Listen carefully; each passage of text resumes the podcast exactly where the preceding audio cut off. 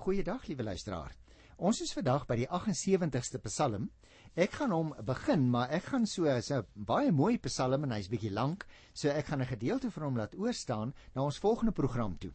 Nou die opskrif van Psalm 78 is sodat die volgende geslag dit kan weet. Nou dit is 'n bepaalde opskrif want onder dit staan daar in Hebreëse teks, jy sal dit ook in Afrikaanse teks sien, 'n gedig van Asaf. Ek wil net weer 'n kort opmerking maak oor die opskrifte van die psalms want 'n uh, party mense het nou nie geluister, miskien nog nie ingeskakel op ons program toe ek op 'n stadium daaroor gepraat het nie. Ons moet onthou, liewe luisteraar, daar is opskrifte bo 116 van die psalms. Die opskrifte is nie noodwendig deel van die geïnspireerde teks nie, maar dit gee wel insig in die omstandighede wat aanleidend was tot die dig van die betrokke psalm of partykeer kry ons ook in daardie opskrif 'n aanduiding van wie die digter is of wat die geskiedkundige geleentheid was waarvoor die Psalm geskrywe is. Nou Psalm 78 is dus 'n interessante voorbeeld van 'n opskrif waar die omstandighede nie vermeld word nie. Al wat daar gesê word is dit is 'n gedig van Asaf. So in sommige Bybelvertalings ook word die opskrif reeds as deel van die versindeling gesien. By ander opskrifte uh word dit as 'n opskrif hanteer en dan wat ons gewoonlik in ons Bybels as vers 2 het, begin in sommige vertalings eers as vers 1. So mens moet net 'n bietjie daarmee rekening hou as jy soms verwysings maak na die psalms in die Bybel. Ons moet ook 'n gedagte hou soms verskaf juis die opskrifte vir ons gegevens aangaande die liturgiese gebruik van die psalm. Daar word byvoorbeeld gesê op die wysie van die lelies van die veld. Daar word soms inligting gegee ook oor die styl waarvolgens dit gedig is of die begeleidende musiekinstrumente met fluit gespel byvoorbeeld word baie keer gesê of selfs die ritme waarop die woorde gesing moes word. Byvoorbeeld as ek jou 'n spesifieke voorbeeld mag noem in Psalm 60 by vers 1 en 2 kry jy 'n voorbeeld wat al hierdie aanwysings as opskrif tot die Psalm bevat. Miskien moet ek dit net 'n oombliekie vir jou lees, want ek onthou dat ek dit nie alles uitgewys het toe ek die spesifieke Psalm behandel het nie. Ek haal aan uit uh, Psalm 60. Luister nou na hierdie lang opskrif vir die koorleier op die wysie van die lelie. 'n Getuienis, 'n gedig van Dawid vir onderwys bedoel Na aanleiding van sy geveg teen die Arameërs van Mesopotamië en die Arameërs van Soba, toe Joab 12000 Edomite in die Soutvlakte verslaan het. Jy sien in ons teks bevat Psalm 60 se opskrif dis twee hele verse.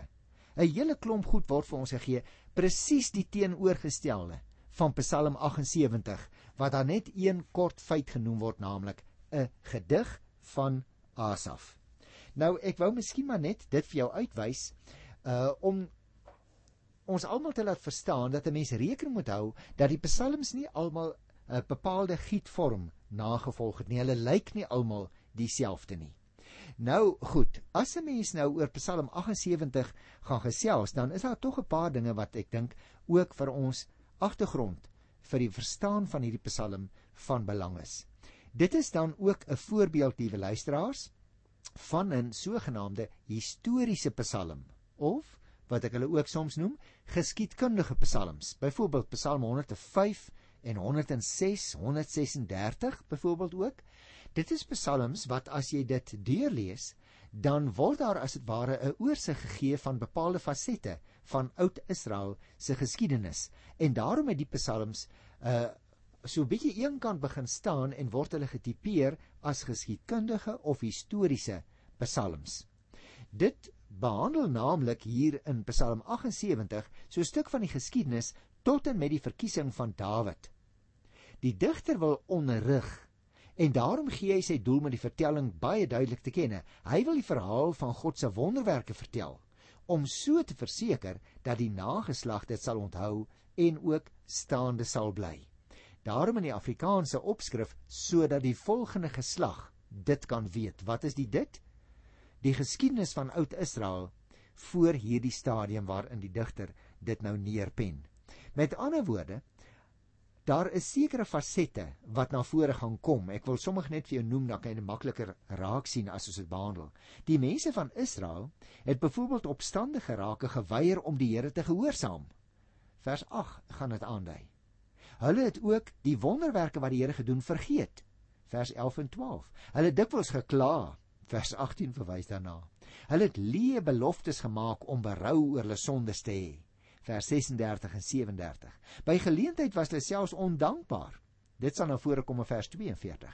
Nou hierdie dinge, daar's ook nog ander, ek laat dit nou maar daar. Maar hierdie dinge is dus nou in die Here se woord opgeteken sodat ons nie dieselfde fout sal maak in ons tyd nie. In die vorige psalms of in sommige van die vorige psalms moet ek liewer sê, was daar soms ook sinspeling op sekere historiese gebeure.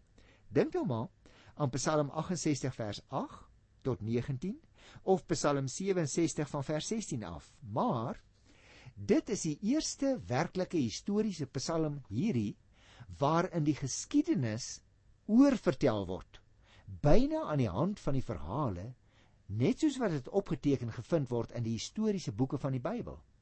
Ander sulke psalms het ek nou nou vir jou genoem, né? 105, 106, 136. Jy kan dit in elk geval as jy wil, so 'n bietjie vergelyk met Deuteronomium 32.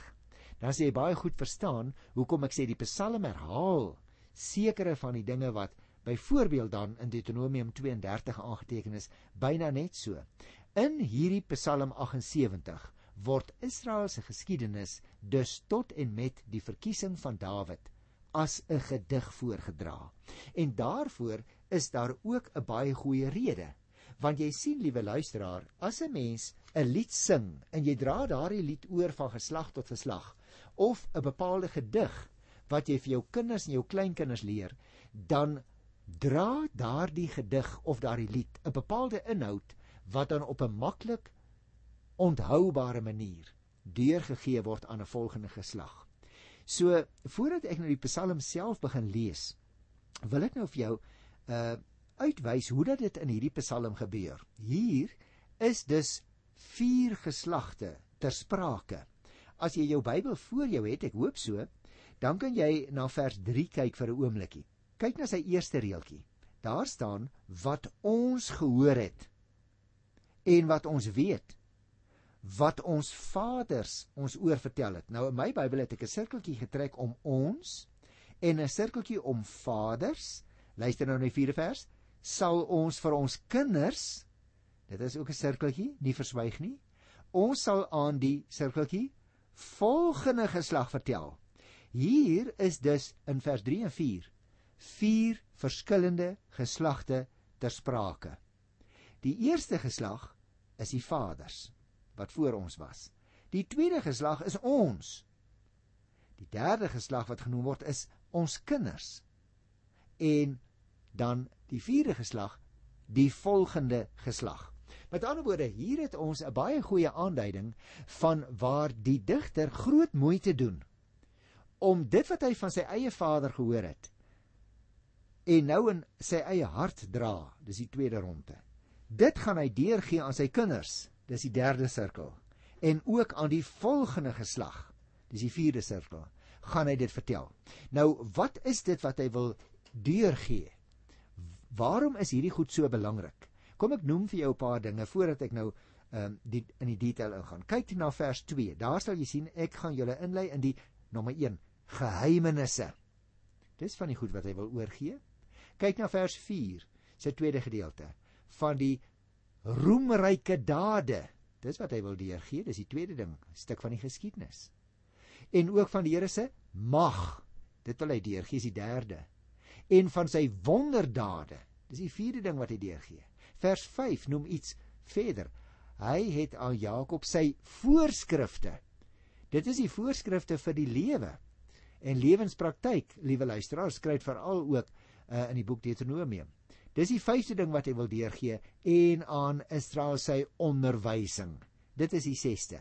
Met ander woorde, hier word groot moeite gemaak om ten minste te sorg en toe te sien dat vier geslagte sal wat sal kennis neem van die geheimenisse en die roemryke dade en die mag en die wonderdade en die voorskrifte en die onderwysing van die Here.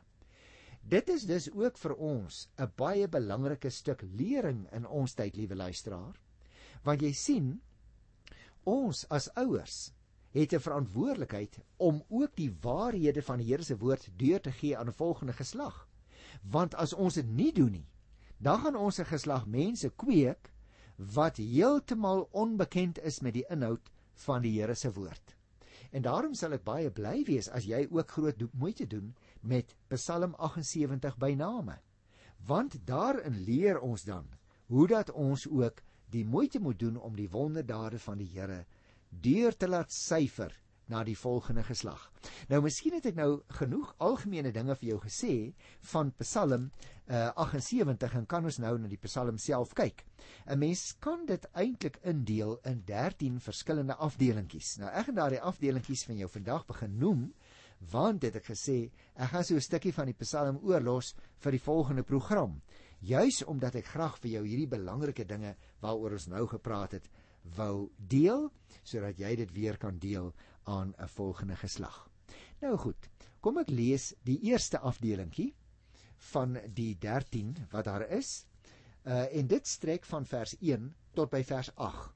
So vir nuwe luisteraars wil ek ook uitnooi en aanmoedig om julle Bybel en 'n stukkie papier waarop jy kan aantekeninge maak. Miskien kan jy vir jou 'n volledige aantekeninge boek koop en 'n skryfding natuurlik, want jy kan 'n massa inligting waaroor ons praat en elke keer met mekaar deel, kan jy sommer so 1 2 3 aanteken. So die eerste perikoop of strofe kry ons in vers 1 tot aan die einde van vers 8 waar jy dan 'n streepie kan trek. Luister na wat ek jou leer my volk. Luister aandagtig na wat ek jou sê. Ek gaan 'n gedig voordra. Ek gaan julle inlei in geheimenisse uit die verre verlede. Wat ons gehoor het en wat ons weet, wat ons vaders ons vertel het, sal ons vir ons kinders nie verswyg nie.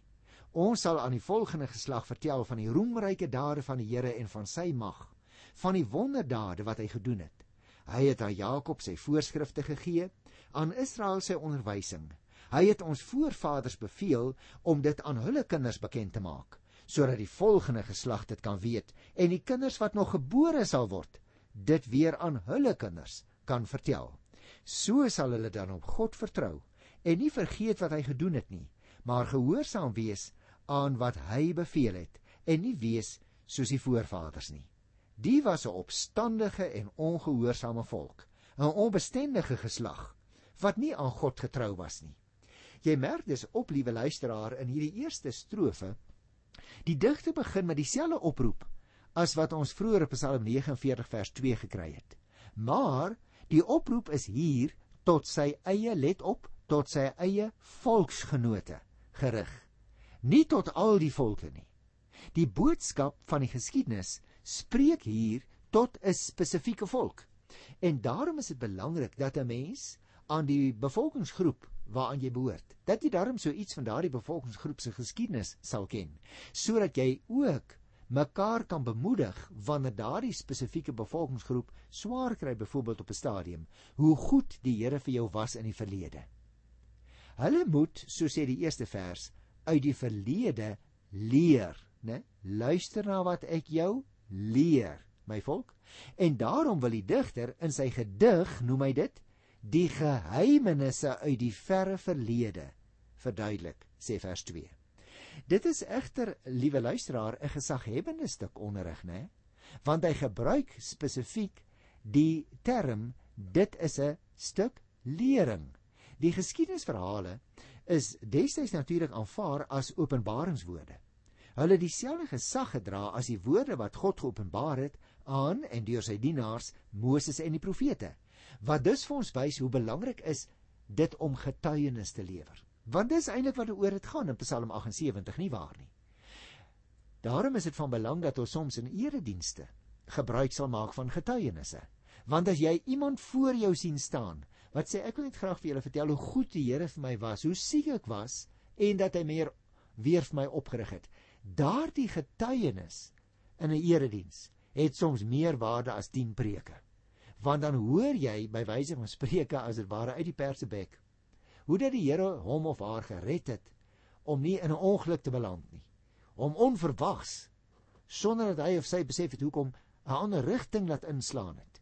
En dan later kom hy agter, dit was 'n beskikking van die Here. U sien liewe luisteraar, volgens vers 4c is die geskiedenis wat vertel van die roemryke dade van die Here en van sy mag is dit 'n belangrike ding om uit te leer. Dit is lank op bevel van God saam met voorskrifte vir die lewe en die erediens van die een geslag aan die volgende oorvertel. Nou daardie hele gedagte kry ons in vers 3 en 5 en 6. Jy sien, die volk moes hulle geskiedenis ken en op grond daarvan leer om op God te vertrou. Ek het 'n vermoede dat een rede hoekom jong mense nie altyd so gereedelik op die Here vertrou nie, is omdat hulle ouers nie vir hulle die geskiedenis vertel nie. Want as 'n mens kan terugblaai om nou maar die uitdrukking te gebruik, as jy kan terugblaai in die geel bladsy van die geskiedenis, die gisters en eergisters kan naslaan, dan leer jy daaruit, maar jy kan mos op God vertrou. Want kyk hoe getrou was hy in die verlede. Die bedoeling met die vertelling was dus om die volk gehoorsaamheid en vertroue te leer. Die voorvaders was dikwels ongehoorsaam. Dis baie interessant dat dit gesê word, want ons verheerlik mos gewoonlik so bietjie die voorvaders. Terwyl daar aan die einde van vers 8 staan, hulle was 'n onbe onbestendige geslag wat nie aan God getrou was nie. Nou goed, ek wil graag nog 'n perikoopie mee behandel, vers 9 tot 11. Kom ons lees dit eers. Die Efraimiete was goed gewapen en bedrewe met die boog, maar toe die geveg begin het hulle gevlug. Hulle die verbond met God nie gehou nie en geweier om te lewe soos hy hulle geleer het. Hulle het vergeet van sy werke, van die wonderdade wat hy hulle laat sien het. Jy sien liewe luisteraar, in die eerste plek word die Efraimiete hier in die 9de vers genoem as 'n voorbeeld van ongehoorsaames. Hulle het nie die onderwysing van die Here soos wat dit in God se verbond met sy volk na vore gekom het, ter harte geneem nie, sê vers 10. En die twee woorde, onderwysing en verbond, het van die begin af 'n belangrike plek ingeneem in Israel se godsdiens. Die onderwysing verstrek onder andere die verbondsbepalings waarin die volk se voorregte en verantwoordelikhede saamgevat word. Jy kan dit baie goed naslaan as jy wil in Deuteronomium by vers 6 en 9 en vers 31. Met ander woorde, onderwysing en verbond verbind saam aan sekere dinge. Dit is gegrond op sekere dinge en dit is vervleg met die geskiedenis. Dit word oorvertel, wil hierdie man nou vir ons sê. Jy sien ten tye van die lewenskrisis tel goeie wapens en vakbedrywenheid nie altyd so baie nie.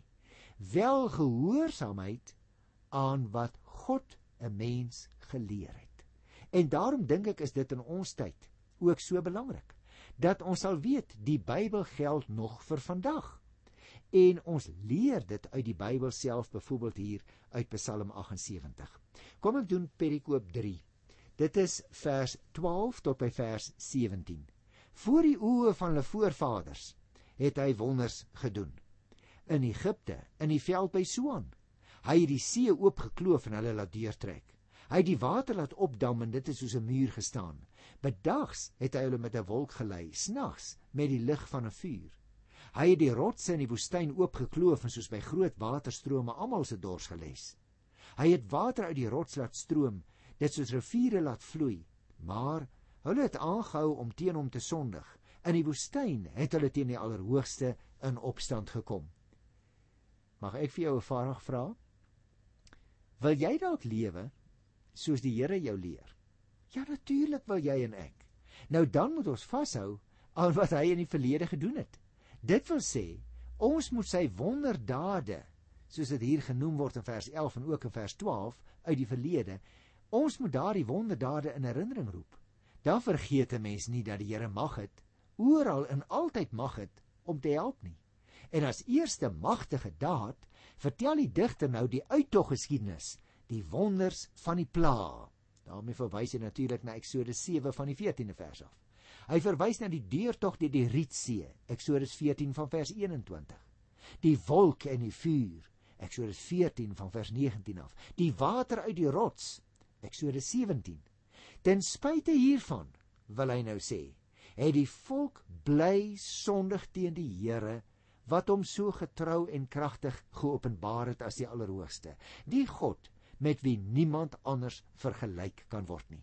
Jy sien dus, liewe luisteraar, vers 12 tot 17 wil vir ons sê Israel moet vashou aan die wonderdade van die Here in die verlede. Vers 18 tot 22 is die vierde perikoop. Kom ek lees dit. Hulle het God getart toe hulle kos gevra het haar eie smaak en God uitgedaag het. Kan God hier in die woestyn kos gee? Hy het wel teen 'n rots laat slaan en die waters het gevloei, spruite het gestroom, maar sou hy ook brood kon gee? Vleis aan sy volk kon voorsit? Toe die Here dit hoor, het hy kwaad geword. Hy het 'n vuur teen Jakob laat ontbrand teen Israel sy toorn laat woed omdat hulle nie op God vertrou het en op sy hulp staat gemaak het nie.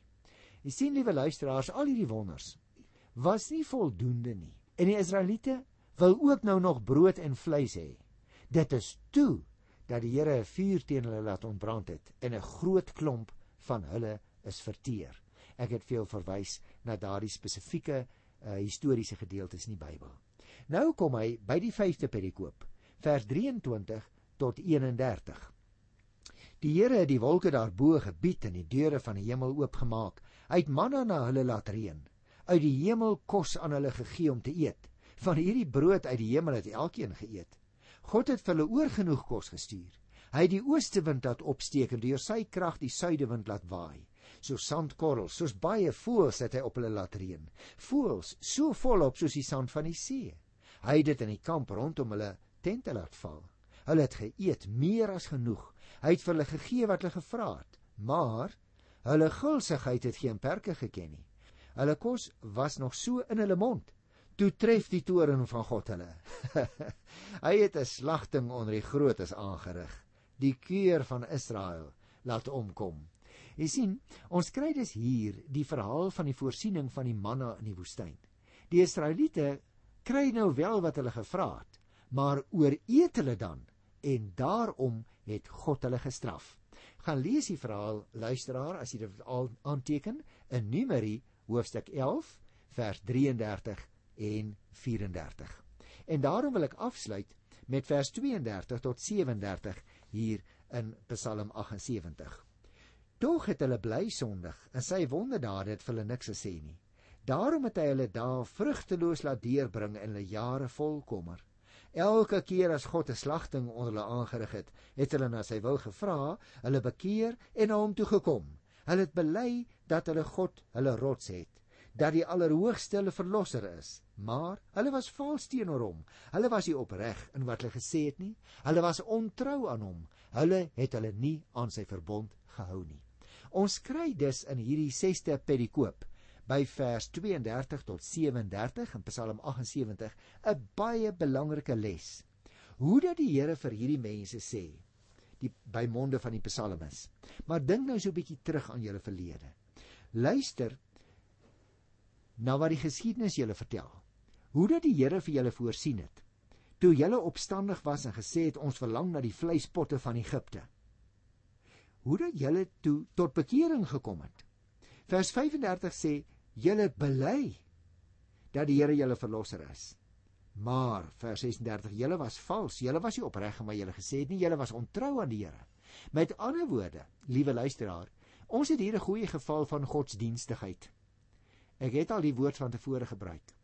Waar jy groot woorde praat, maar wat jy nie regtig jou hart aan die Here toevertrou nie. Godsdienstigheid is deur sekere godsdienstige handelinge uit te voer, maar om vir God as dit ware uit die prentjie te hou. En daarom wil ek jou vra, liewe luisteraar, hoe lyk jou godsdiens? Is dit regtig diens aan God of is dit godsdienstigheid? Want as dit net blote godsdienstigheid is, dan is daar dalk geen inhoud in jou verhouding met God nie. Dien God luisteraar want dit is suiwer en ware godsdiens. Maar godsdienstigheid allerlei goedjies waarmee jy besig is, is dalk juis 'n aanduiding dat jy rondhardloop, dat jy besig is met die dingetjies van God, maar nie met die God van die dinge nie. Hoe staan dit in jou lewe? Ek los hierdie Psalm 78 hier by vers 37 en so die Here wil praat ek dan volgende keer verder met jou daaroor. Tot dan. Totsiens.